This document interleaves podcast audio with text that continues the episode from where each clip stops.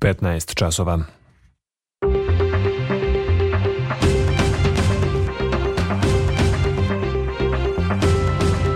Radio Novi Sad. Novosti. Dobar dan, poštovani slušalci, ja sam Aleksandar Grović. Ja sam Nikola Rausavljević. I sadržaj emisije. Jako nevreme je pogodilo Novi Sad, olujni vetar oborio više stabala, ima i oštećenih automobila. U planinskim područjima snežna vejavica. U Narodnoj skupštini kasno sinoć izglasan izveštaj o pregovorima sa privremenim institucijama u Prištini, a na Kosovu i Metohini danas nije mirno. U Gračanici ispaljeno više hitaca iz automobila u pokretu. Poslanici Skupštine Srbije počeli raspravu o setu pravosudnih zakona. Ministarka pravde Maja Popović objasnila da je to uslov za nastavak reforme pravosudnog sistema. Obeležava se Svetski dan borbe protiv raka. U toku kampanja za smanjenje nejednakosti u pristupu preventivi, diagnostici i lečenju. Futbalski meč Crvene zvezde i Vojvodine od 16 sati igra se u čast Siniše Mihajlovića. Radio Novi Sad izveštava sa tog susreta. Na snazi upozorenje Republičkog hidrometeorološkog zavoda na jak i olujni vetar ponegde i sa udarima orkanske jačine. U Vojvodini do kraja dana postepeni prestanak padavina i temperature u minusu. Sutra znatno hladnije sa jutarnjim mrazem, tokom dana suvo, a temperatura neće preći nulu. Prema posljednjim merenjima u Novom Sadu 3 stepena. U Narodnoj skupštini počelo je prvo vanredno zasedanje u 13. sazivu. Na dnevnom redu je više predloga zakona u oblasti sudstva koji bi trebalo da doprinesu depolitizaciji sudstva i tužilaštva. Pojedinosti Bojan Vasiljević. Poslanici su glasali za zajednički načelni jedinstveni pretres o setu pravosudnih zakona, ministarka pravde Maja Popović je obrazlažući te predloge zakona objasnila da je usvajanje tih zakona predloženo radi usklađivanja sa aktom o promeni Ustava, koji su građani podržali na referendumu održanom u januaru prošle godine. Promena Ustava i usvajanje pravosudnih zakona predstavljaju uslov za dalju reformu pravnog sistema i najznačajniju reformu u oblasti vlada vladavine prava koja predstavlja osnovnu vrednost svakog demokratskog društva. Zakoni su na dnevnom redu jer Ustavni zakon propisuje da se pravosudni zakoni moraju uskladiti sa aktom o promeni Ustava u roku od godinu dana, a krajnji rok je 9. februar. Za te zakone pribavljena su i pozitivna mišljenja Venecijanske komisije, najrelevantnijeg savetodavnog tela u toj oblasti. Ovim zakonima u skladu sa aktom o promeni Ustava isključuje se učešće političke grana vlasti u predlaganju izboru sudije, predsednika sudova, javnih tužilaca i glavnih javnih tužilaca, što će omogućiti veću nezavisnost sudija i samostalnost nosilaca javnotužilačke funkcije, a to će značiti i njihovu veću odgovornost, koja će ne samo ojačati vladavinu prava, već i povećati pravnu sigurnost. Pravosudni zakoni i promene Ustava imaju potencijal za pozitivne promene u pravosuđu pravosudnih zakona, čime će doprineti putu Srbije ka Evropskoj uniji, imajući u vidu da su to obaveze iz poglavlja 23, ocenila je Maja Popović na početku rasprave u Narodnoj skupštini. Ovo su novosti prvog programa radija Radio Televizije Vojvodine. Na Kosovu i Metohiji danas nije mirno. U Gračanici je noćas ispaljeno više metaka iz automobila u pokretu u blizini spomenika Milošu Obiliću potvrđeno je u kosovskoj policiji. Policija istražuje slučaj, a očevici su rekli da su videli beli džip stranih tablica i da je ispaljeno četiri ili pet hitaca. Kancelarija za Kosovo i Metohiju obezbedit će advokata za 20-godišnjeg Bobana Đuzića, koga su juče Albanci izboli nožem u predelu ramena u selu Mogila kod Vitine. Njegov otac Ivica Đuzić je izjavio da je policija privela trojicu napadača, ali da je nezvanično saznao da je jedan od njih oslobođen i zamolio državu da mu obezbedi advokata jer on to ne može da plati. Rekao je i da ne postoji nikakav sukob između njegove i porodice Albanaca koji su njegovog sina izboli nožem. Boban Đuzić ima dve ubodne rane i nije u životnoj opasnosti. Podsjetimo, Skupština Srbije kasno sinoć nakon dvodnevne rasprave usvojila izveštaj o pregovaračkom procesu sa institucijama privremene samuprave u Prištini.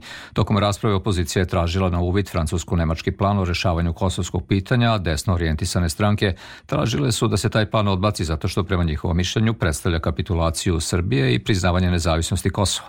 Predsednik Aleksandar Vučić poručuje Srbima sa Kosova i Metohije da je Srbija njihova domovina, a poslanicima opozicije da je uvek spreman da razgovara sa njima o Kosovu i Metohiji. Rekao je da nam predstoje teški razgovori pre svega o formiranju zajednice srpskih opština.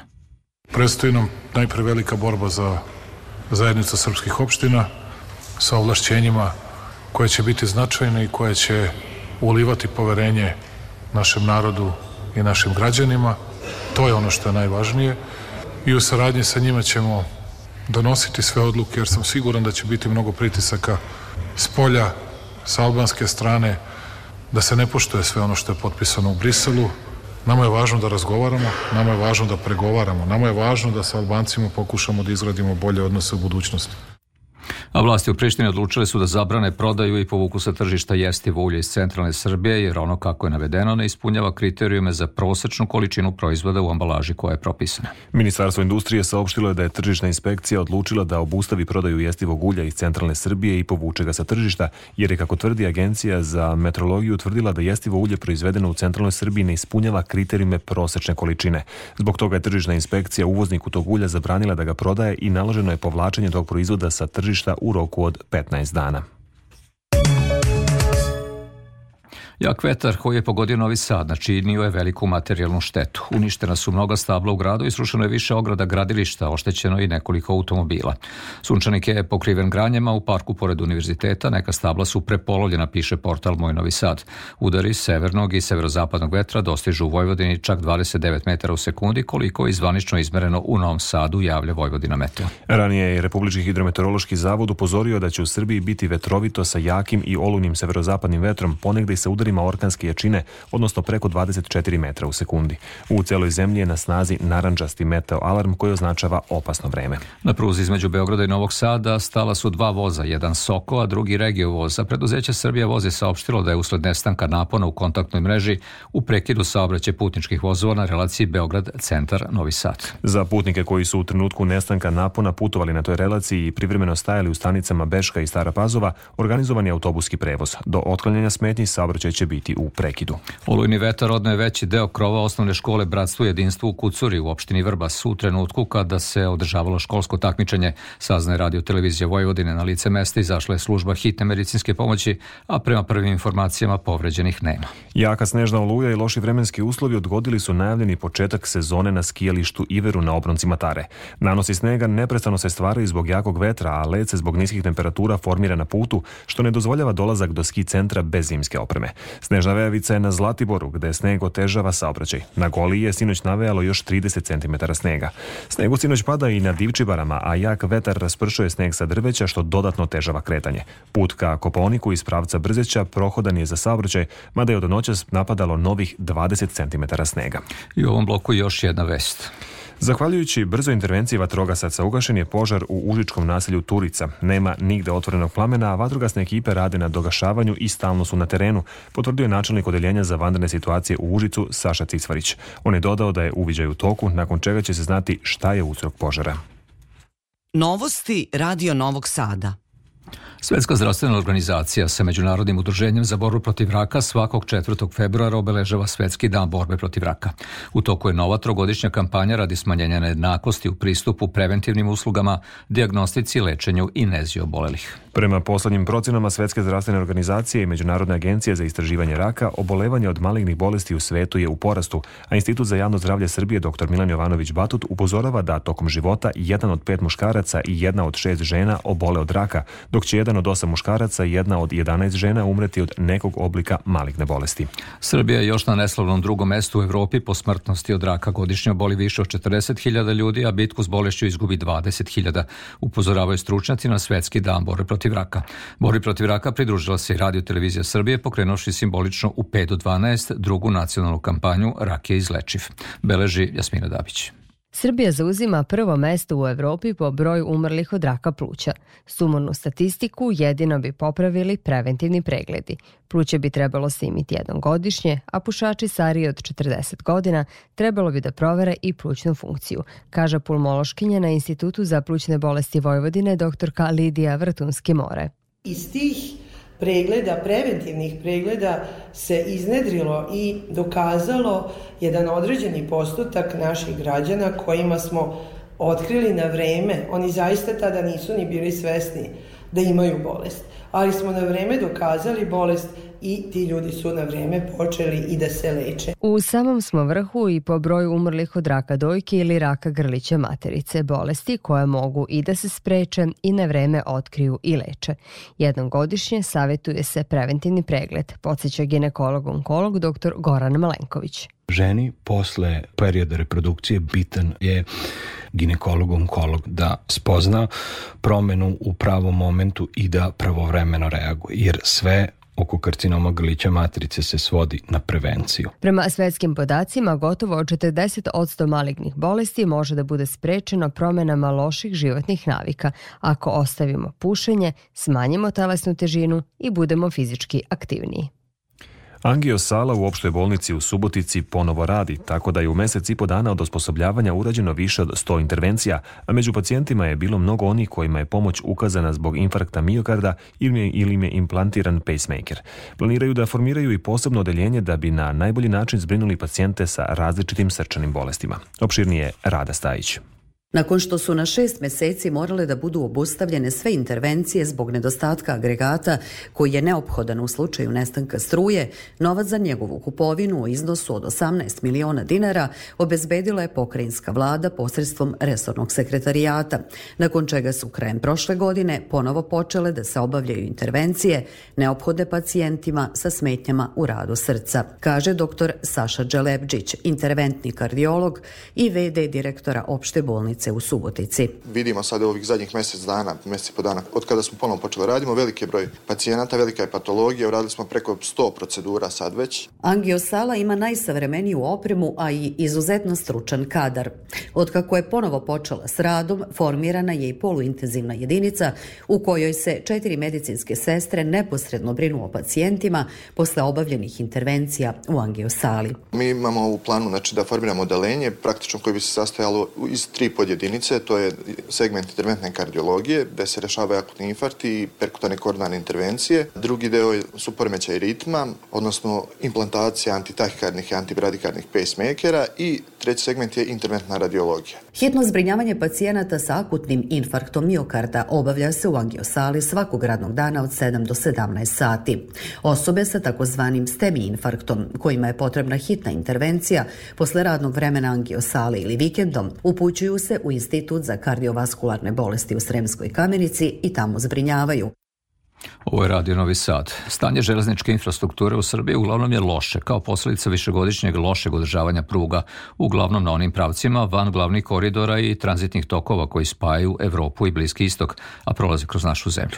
U posljednje vreme deo infrastrukture na tim koridorima je poboljšan. Modernizovano je 780 km i izgrađeno oko 100 km pruga. Problem je međutim stanje na regionalnim i lokalnim prugama gde ne postoji ni projekti ni novac za njihovu modernizaciju. Pojedinosti slobodne Slobodan Vidović. Deo da pruga u Vojvodini osposobljen je za redovan saobraćaj kao alternativni pravci za vreme izgradnje železničkog koridora do Subotice, kaže redovni profesor Fakulteta tehničkih nauka u Novom Sadu Gordan Stojić. Do Titela, taj deo, zatim po Banatu se neke pruge rekonstruišu do Ođaka i e, sanirane su tri stanice koje su imale malo lošije performanse na toj pruzi. Radi se projekat za obilaženje Bogojeve kao poslednje stanice koja nije e, u, u funkciji tranzitnog saobraćaja. Tu su, kaže naš sagovornik, i najave iz Ministarstva saobraćaja da će država finansirati rekonstrukciju pruge od Vrbasa do Sombora. Prema Stojićevim rečima, modernizacija pruge doprinela je ponovnom vraćanju popularnosti železničkog putničkog saobraćaja. Ono što je interesantno, mi smo ovaj, na nivou Srbije od 2010. godine do 2018. godine i kad je Beograd centar stanica radila, imali broj putnika na nivou od 4 do 5 miliona, a samo Soko za 10 meseci negde do 6. januara je prevezu preko milijon i 300 putnika. Glavni razlog zašto se građani odlučuju za brze vozove je kraće vreme putovanja, konfor i pouzdanost Sokola, ali i povoljnija cena prevoza. U toku je izgradnja deonice brze pruge između Novog Sada i Subotice i dalje prema Budimpešti. Rade se i projekti na modernizaciji pruge od Stare Pazove do Šida, kao i rekonstrukcija brze pruge Niš-Beograd, koju će Evropska unija pomoći sa 600 miliona evra. Vesti iz sveta. Evropski savet je potvrdio odluku da postavi dve gornje granice cena za naftne derivate poreklom iz Rusije. Dogovorena je gornja granica, gornja cena od 45 dolara po barelu za manje rafinisane proizvode i 100 dolara po barelu za premium proizvode. Odluka će sutra stupiti na snagu, a revizija će biti na svaka dva meseca. Iz Brisela izveštava Ivan Ilić. Ambasadori su juče nakon intenzivne rasprave doneli odluku o postavljanju dve gornje granice cena za naftne derivate koji potiču ili se uvoze iz Rusije i to dva dana pre početka potpunog embarga EU na te proizvode koji se izvoze morskim putem.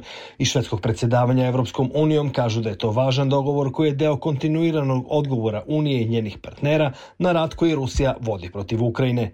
Ambasadori su se složili da ograniče cenu naftnih proizvoda kojima se trguje iznad cene sirove nafte, uključujući dizel dizel, benzin i gorivo za avione na 100 dolara po barelu. Sa druge strane, proizvodi kojima se trguje sa popustom u odnosu na naftu poput mazuta biće ograničeni na 45 dolara po barelu. Cene se odnose na ruske naftne derivate koji se transportuju brodovima.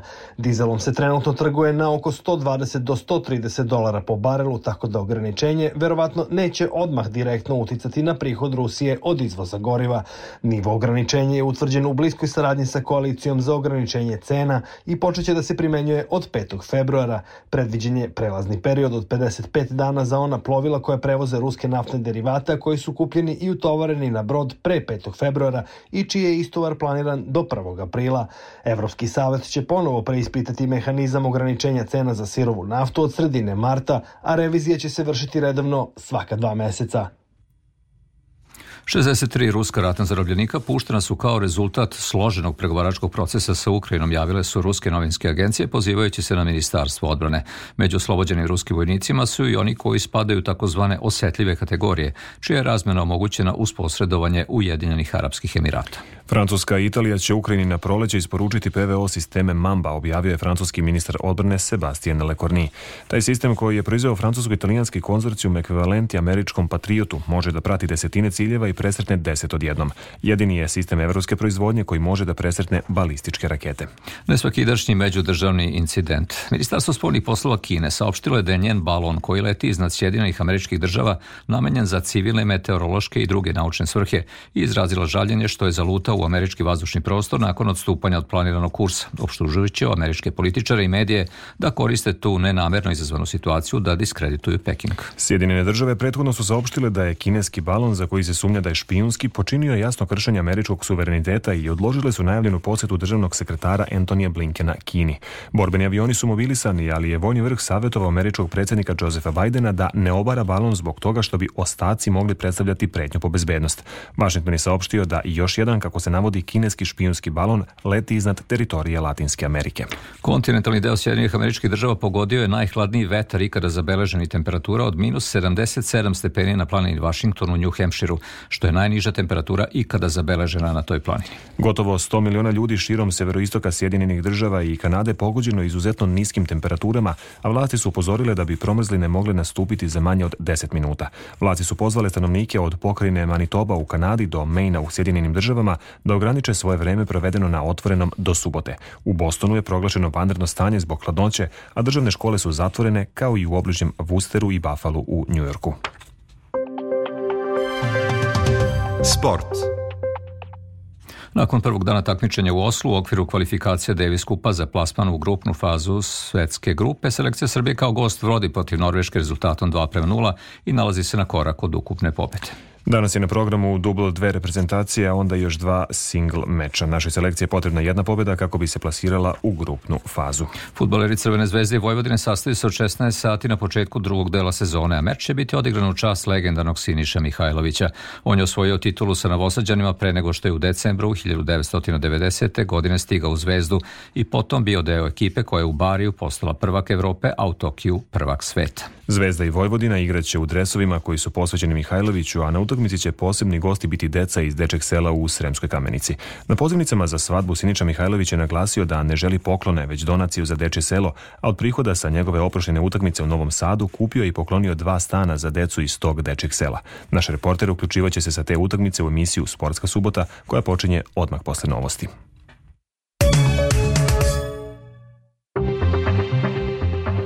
I pred kraj novosti još jednom najvažnije iz emisije. Jako nevreme pogodilo Novi Sad, olujni vetar oborio više stabala, ima i oštećenih automobila. U planinskim područjima snežna vevica. U Narodnoj skupštini kasno sinoć izglasan izveštaj o pregovorima sa privremenim institucijama u Prištini, na Kosovo i Metohiji ni danas nije mirno. U Gračanici ispaljeno više hitaca iz automobila u pokretu. Poslanici Skupštine Srbije počeli raspravu o setu pravosudnih zakona. Ministarka pravde Maja Popović objasnila da je to uslov za nastavku reforme pravosudnog sistema. Obeleže obilježava se Svetski dan borbe protiv raka u toku kampanja za smanjenje nejednakosti u pristupu preventivi, diagnostici i lečenju. Kineski meteorološki balon iznad teritorije Sjedinih država, za kojeg Vašington tvrdi da je špijonski, izazvao krizu u kinesko-američkim odnosima. Futbalski meč Crvene zvezde i Vojvodine igra se u čas Siniše Mihajlovića. Radio Novi Sad izveštava sa tog susreta. I o vremenu. Prema merenjem u 15 časova temperatura u Novom Sadu je 3 stepena, vlažnost vazduha 81 pritisak 1009 milibara, a vetar je severozapadni do 11 metara u sekundi sekundi. Na snazi upozorenje Republičkog hidrometeorološkog zavoda na jaki olujni vetar, ponegde i sa udarima orkanske jačine. U Vojvodini do kraja dana postepeni prestanak padovina i pad temperature. Kako nas vreme očekuje? U Vojvodini u nedelju znatno hladnije sa jutarnjim mrazem. Tokom dana suvo sa sunčanim periodima uz malu dumaranu oblačnost. Duvaće umeren do pojačan severni i severozapadni vetar, pritisak iznad normale. Minimala jutarnja temperatura od minus 6 do minus 4, a maksimala od minus 2 do 0. U Srbiji u ponedeljak utru umeren do jak mraz, tokom dana takođe vrlo hladno i pretežno suvo vreme sa sunčanim periodima. Za Radio Novi Sad, Žika Pavlović, Meteos. Slušali ste novosti prvog programa radija javne medijske ustanove Vojvodine. Sve informacije pronađite na našoj internet stranici na adresi rtv.rs gde novosti možete da čujete i odloženo. Pratite nas i na društvenim mrežama. Tonska realizacija Mihel Daždiju, Aleksandar Grujić i Nikola Rausavljević žele vam prijatan ostatak dana. Ostanite uz Radio Novi Sad. U 15 časova i 30 minuta počinje emisija o sportu Sportska subota koju priprema Bojan Sapanjoš.